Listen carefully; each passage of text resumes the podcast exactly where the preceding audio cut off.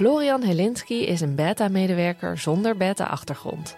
Natuur en scheikunde heeft hij op de middelbare school zo snel mogelijk laten vallen. Op zijn eindlijst prijkt een 4 voor het verplichte vak wiskunde. Bij de meeste onderwerpen binnen de faculteit denkt Helinski nogal eens: waar gaat dit over? In de podcastreeks Atomen en zo krijgt Helinski antwoorden op vragen die al lang gesteld zijn. Welkom bij een nieuwe aflevering van Atomen en zo. Ik zit hier met Martijn Kool. Hij is universitair hoofddocent aan de Universiteit Utrecht en hij is gespecialiseerd in algebraïsche meetkunde. Uh, voor de mensen zoals ik die niet zo goed weten wat dat is, dat zit in het domein van wiskunde. Openingsvraag. Op de middelbare school, was jij goed in uh, wiskunde? Even kijken hoor, volgens mij wel. Ik had hoge cijfers. Dus, uh, maar ik vond het wel een groot deel van saai. dus pas in het laatste jaar begon ik het echt interessant te vinden. En waarom vond je het saai?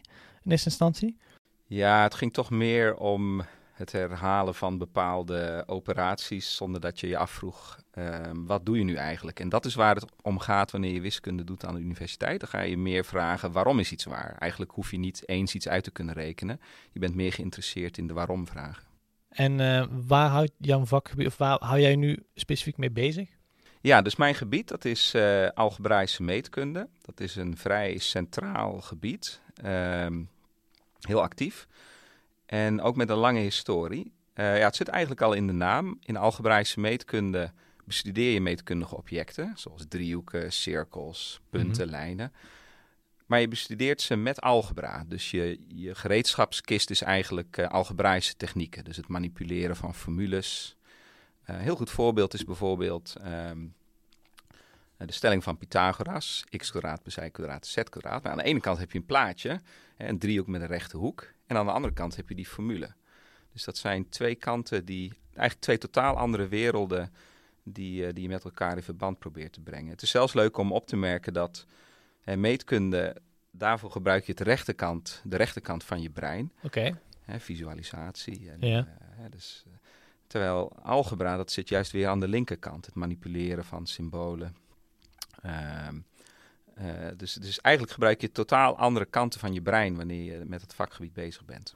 En heb je dan ook uh, heel goed ruimtelijk inzicht?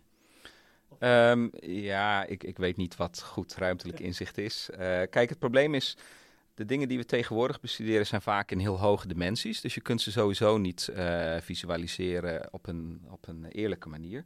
Dus je moet in ieder geval um, meer ja, een artistic impression van wat je nu aan het bestuderen bent uh, Hoe bedoel je? inbeelden. Nou ja, kijk, um, we leven in drie dimensies. Dus zodra je een object van vier of meer dimensies bestudeert, kun je het al niet echt visualiseren. En uh, vier dimensies, even om mij te helpen? Ja, dus uh, nou ja, we leven in drie dimensies. Hè. Je kan naar voren, naar achteren, naar links, naar rechts, naar boven en naar beneden. dat zijn drie dimensies. Goed, je zou tijd ook kunnen zien als dimensie, dus dan heb je nog een vierde dimensie bij. Mm -hmm. Maar een wiskundige die uh, staat het vrij om daar nog uh, heel veel meer dimensies aan toe te voegen. Maar, maar misschien, eigenlijk, ja. dit is nog niet echt mijn gebied. Uh, eigenlijk wilde ik nog inzoomen op een deelgebied van algebraïsche meetkunde, genaamd enumeratieve of aftellende meetkunde. dus eigenlijk wilde ik daar wat over vertellen. En waarom wil je daar wat over vertellen? Nou ja, omdat dat eigenlijk meer inzoomt op wat ik doe. dus uh, het hoeft niet, maar uh, het, het, punt is... Uh, Oké, okay, dus wat doe je in aftellende meetkunde? in aftellende meetkunde ehm, tel je meetkundige objecten die voldoen aan bepaalde voorwaarden. Dus laat ik het heel concreet maken. een heel beroemd voorbeeld is het cirkelprobleem van Apollonius. Dat is een probleem dat al uit de Griekse oudheid komt. Oké. Okay. is heel oud. Um, dus daar is het zo dat je, je bekijkt het vlak. En daarin, laten we zeggen, zijn drie rode cirkels getekend. Ja. Die liggen vast. En vervolgens ga je afvragen hoeveel groene cirkels kan ik tekenen die raken aan alle drie de gegeven cirkels. En het blijkt dat, uh, dat dat in het algemeen er acht zijn. Dus je kan acht groene cirkels tekenen die raken aan die, aan die drie rode cirkels dit is een typisch probleem uh, uit aftellende algebraïsche meetkunde. En waarom zou je dat doen? Ja, dat is, uh, dat Wat is de toepasbaarheid? Dat, is, uh, ja, dat heeft geen toepassingen. Oké, okay. okay, het heeft geen toepassingen. En, nou ja, die cirkels van Apollonius die hebben volgens mij wel een, een soort weerslag gehad binnen GPS-systemen. Okay. Maar goed, vraag me daar niet over. Nee. Ehm, een ander voorbeeld is, dus dat, ja, in de Griekse oudheid was men daarmee bezig. En eigenlijk is dat een gebied wat door de jaren, door de eeuwen heen eh, ja, veel bestudeerd is, ook in de 19e eeuw. En daar begon men eigenlijk niet meer eh, over de reële getallen te werken, maar over complexe getallen en in projectieve ruimtes. En ik- dat zijn drie termen achter elkaar die ik niet helemaal begrijp. Nee, ja, die ga ik ook niet uitleggen.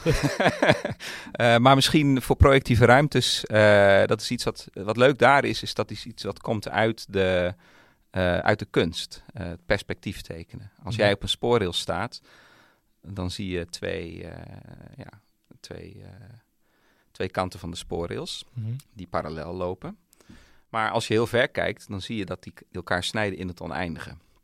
Ja. Ehm, en er is een formeel wiskundige manier om die horizon toe te voegen aan de ruimte waarin je werkt. En dan krijg je projectieve meetkunde. Het is wel leuk dus dat in de, zo rond de 19e eeuw ehm, die methodes van projectieve meetkunde echt eh, hun intrede deden in de aftellende meetkunde. Dus daar beïnvloedde de kunst eigenlijk eh, het vakgebied. Eh, een voorbeeld uit die 19e eeuwse enumeratieve meetkunde is het volgende. Stel, ik schiet vier willekeurig rode laserstralen in deze ruimte. Dan kun je afvragen, nou, hoeveel groene laserstralen kan ik afschieten die alle vier snijden? Nou, in dit geval blijkt het antwoord 2 te zijn. Oké, dus dit was de 19e eeuw. Ja. Maar aan het einde van de vorige eeuw vond er een heel interessante ontwikkeling plaats. Ehm, hè, dus in de 19e eeuw had men allerlei problemen eh, binnen die aftellende meetkunde die men niet kon oplossen. En ineens kwam er een heel onverwachte connectie, zo rond de jaren 90 van de vorige eeuw, met theoretische natuurkunde. Ehm, dus binnen theoretische natuurkunde heb je een tak die heet snaartheorie. En- Ging het vorige aflevering over? Oké, ja, dus ja, Stefan van Doren eh, die is werkzaam op dat gebied. Dus eigenlijk wat die mensen proberen is, die willen een theorie bouwen waarin eh, zwaartekracht en kwantummechanica samenkomen. En het interessante is dat eh, zo rond het einde van de vorige eeuw bleek dat die heel oude theorie, die helemaal teruggaat naar Apollonius, een heel diep verband heeft met snaartheorie. Ehm, en er vindt eigenlijk een constante interactie plaats tussen die snaartheorie en die eh, algebraïsche meetkunde. En in, in het bijzonder die aftellende algebraïsche meetkunde. Dus eigenlijk hebben wiskunde en natuurkunde elkaar daar gevonden. Ja, ja, en in het verleden zijn er, er zijn heel veel eh, voorbeelden van eh, waar natuurkunde en wiskunde nauw gerelateerd zijn. Maar dit is er echt een waar ze op een heel diepe manier ehm, aan elkaar verbonden zijn. En op een manier die ook nu nog heel veel onderzocht wordt.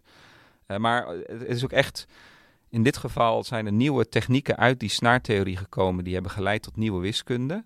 Die echt gebruikt kon worden om problemen op te lossen waar men in de 19e eeuw over nadacht. En die toen niet opgelost konden worden. En, en omgekeerd, die, die abstracte problemen over eh nou, laserstralen en hoeveel raken, hoeveel raken die, die gegeven lijnen. Dat zijn problemen die echt een interpretatie hebben binnen de snaartheorie. Dus die waren ooit bedacht. Niet met het idee van dit gaat iets per se uitleggen over het leven of het ontstaan. Maar nu met natuurkunde erbij is dat een soort van pakket geworden dat eigenlijk elkaar best wel aanvult. Ja, zeker. Ja, ja, nu kun je wel afvragen in hoeverre snaartheorie eh, een nuttige en eh, ware theorie is. Maar dat is een andere discussie. Die ja. laat ik aan natuurkundigen. Als wiskundige maakt mij dat verder niet uit. Maar ehm, inderdaad, dat is, dat is zeker waar. Oké, even uitzoomend naar eh, eh, everyday life. Als jij eh, met familie bent en, en, en iemand vraagt op een feestje: Hé hey Martijn, wat doe je nou precies? Oh, dat- hangt van mijn stemming af. De ene keer heb ik een totaal ander antwoord dan het andere keer. Soms zuig ik iets uit mijn duim. Dat vind ik ook leuk. Ja. En ehm, wat is een grote vraag die jij ooit hoopt te beantwoorden? Ja, dus er zijn wel. ehm, kijk, je kunt op heel veel manieren beantwoorden waarop, waarom dit interessant is. Eén is die natuurkundige connectie. Hè. Je kunt zeggen, nou ja, uiteindelijk willen we die, eh, die zwaartekracht en die kwantumtheorie samenbrengen binnen snaartheorie. Maar goed, ik ben geen natuurkundige, dus dat is niet mijn primaire drijfveer. Maar dat is zeker een argument om dit te bestuderen. En vorige week was ik in Melbourne en daar vond een wat dan heet String Math conferentie plaats, waar het precies gaat om die interactie. Kijk, ik ben niet zo geïnteresseerd in de werkelijkheid beschrijven. Mij gaat het er meer om wat voor nieuwe meetkundige structuren komen daaruit. Een andere motivatie is, wat ik heel interessant vind, is dat binnen dit gebied heb je vaak heel veel connecties met andere gebieden van eh, de wiskunde, zoals combinatoriek ehm, en, of getaltheorie soms. Ehm, en uh, nou ja, er is een hele reeks aan connecties met aangrenzende. Dus je kunt van verschillende dingen binnen de wiskunde een beetje proeven. Ja, precies. En, en, precies. en dat is wat ik er zo interessant aan vind. Dus door het bestuderen van dit soort vragen, aan het begin lijkt dat een vrij abstracte, op zichzelf staande vraag, kom je vaak in, ehm, in aanraking met totaal andere gebieden binnen wiskunde en zelfs natuurkunde dus. En dat vind ik heel mooi. Ja. En is dat, is, is dat dan een van de redenen waarom je ja, deze expeditie bent gaan doen? Kijk, een wiskundige die bewijst een stelling en die stelling die zal altijd waar zijn. Um, hè, dus die stelling van Pythagoras hadden we het eerder over. Mhm. Die is nu nog steeds waar. Um, en dat maakt wiskunde zo mooi. Dus als je eenmaal iets ontdekt hebt, dan is dat voor altijd uh, een feit. helder, een feit. En um, goed, daar kun je op voortbouwen.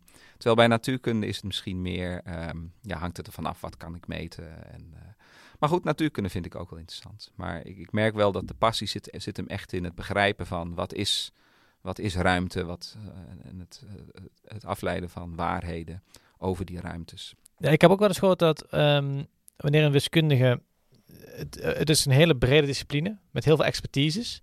En dat het niet per se evident is dat de ene wiskundige begrijpt wat de andere wiskundige op een bord aan het schrijven is. Omdat het zo. Ja, dat zeg je heel goed. Um, sterker nog, aan het begin um, vertelde ik ook.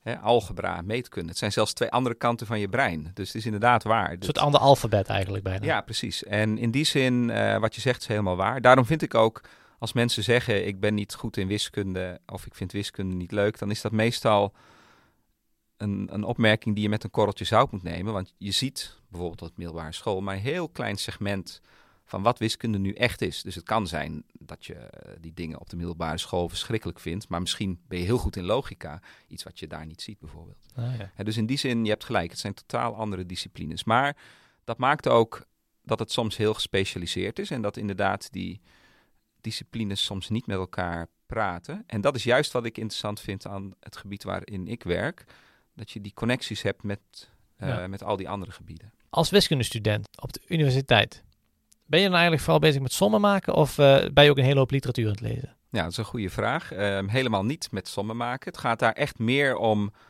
Uh, Oké, dat is wel een, een kant hoor, want als je toegepaste wiskunde gaat doen, moet je ook dingen uit kunnen rekenen. Maar het gaat primair om de vraag, om de waarom-vragen. Dus wat is continuïteit? Of wat is een limiet. Wat doe ik eigenlijk wanneer ik op de middelbare school een afgeleide neem? Dus um, eigenlijk, ik geef dan een eerstejaarsvak, dat heet analyse.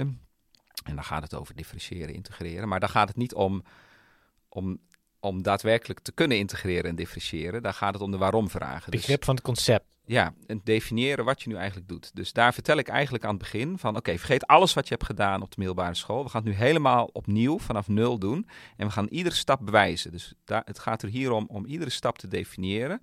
in termen van bekende begrippen en iedere stap te bewijzen. Daarin zijn we geïnteresseerd. Niet in het uitrekenen van een of ander saai sommetje. Dus dat zijn die feiten eigenlijk waar je het net over had. Dat, uh, ja, feiten van Pythagoras ja, ja, ja, dus waarom... Die, die stelling van Pythagoras uh, op zich, het invullen van voorbeelden... daar zijn we niet in geïnteresseerd. We zijn geïnteresseerd in de vraag... waarom is de stelling van Pythagoras waar? Ja, wat is een uh, goede vraag geweest van een student dit jaar... waarvan je dacht, jeetje... nou, ik weet niet of ik het direct één uh, kan bedenken. Maar algemeen vind ik altijd, vragen zijn eigenlijk altijd goed. Dus ik begin altijd met te zeggen van, er zijn geen domme vragen.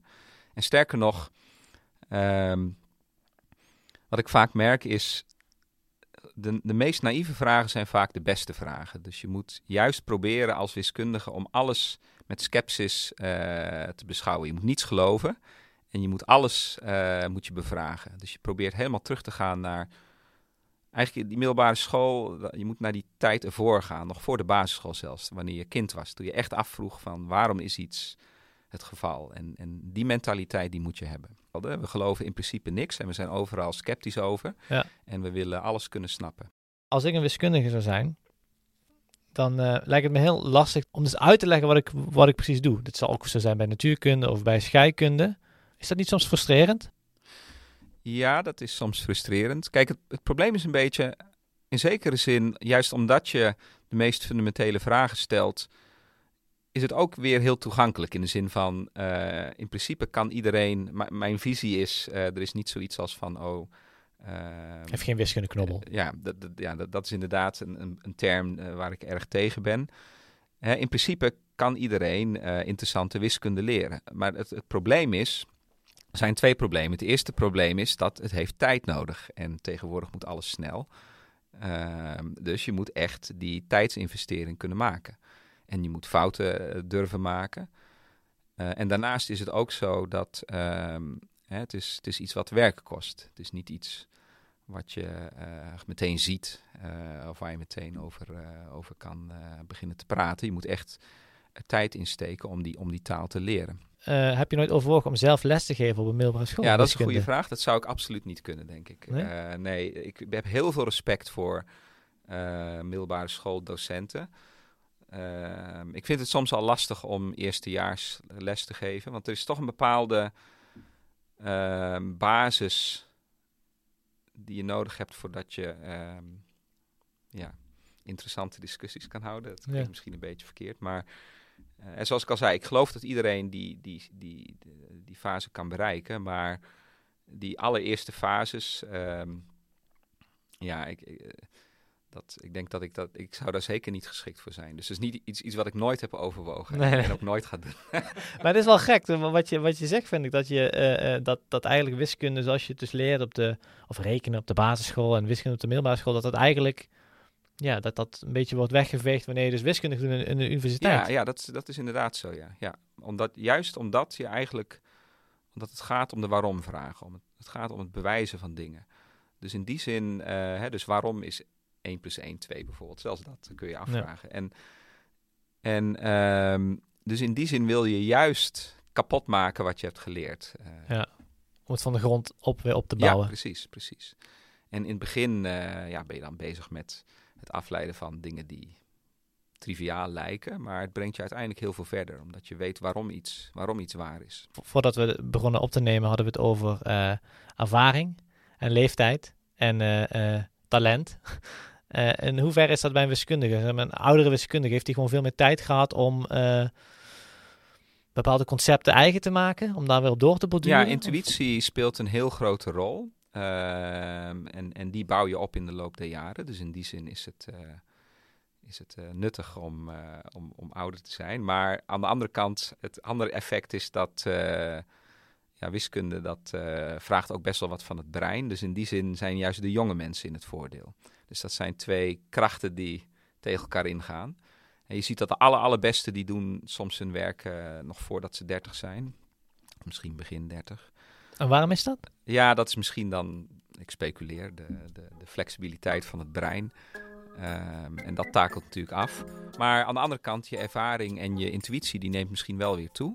Dus in die zin is het ook niet zo dat ik eh, met pensioen moet, gelukkig. je, bent, je bent over je fysieke piek heen nu. Ja, dat zal al wel een tijd geleden hebben plaatsgevonden, ja. Dankjewel. Oké.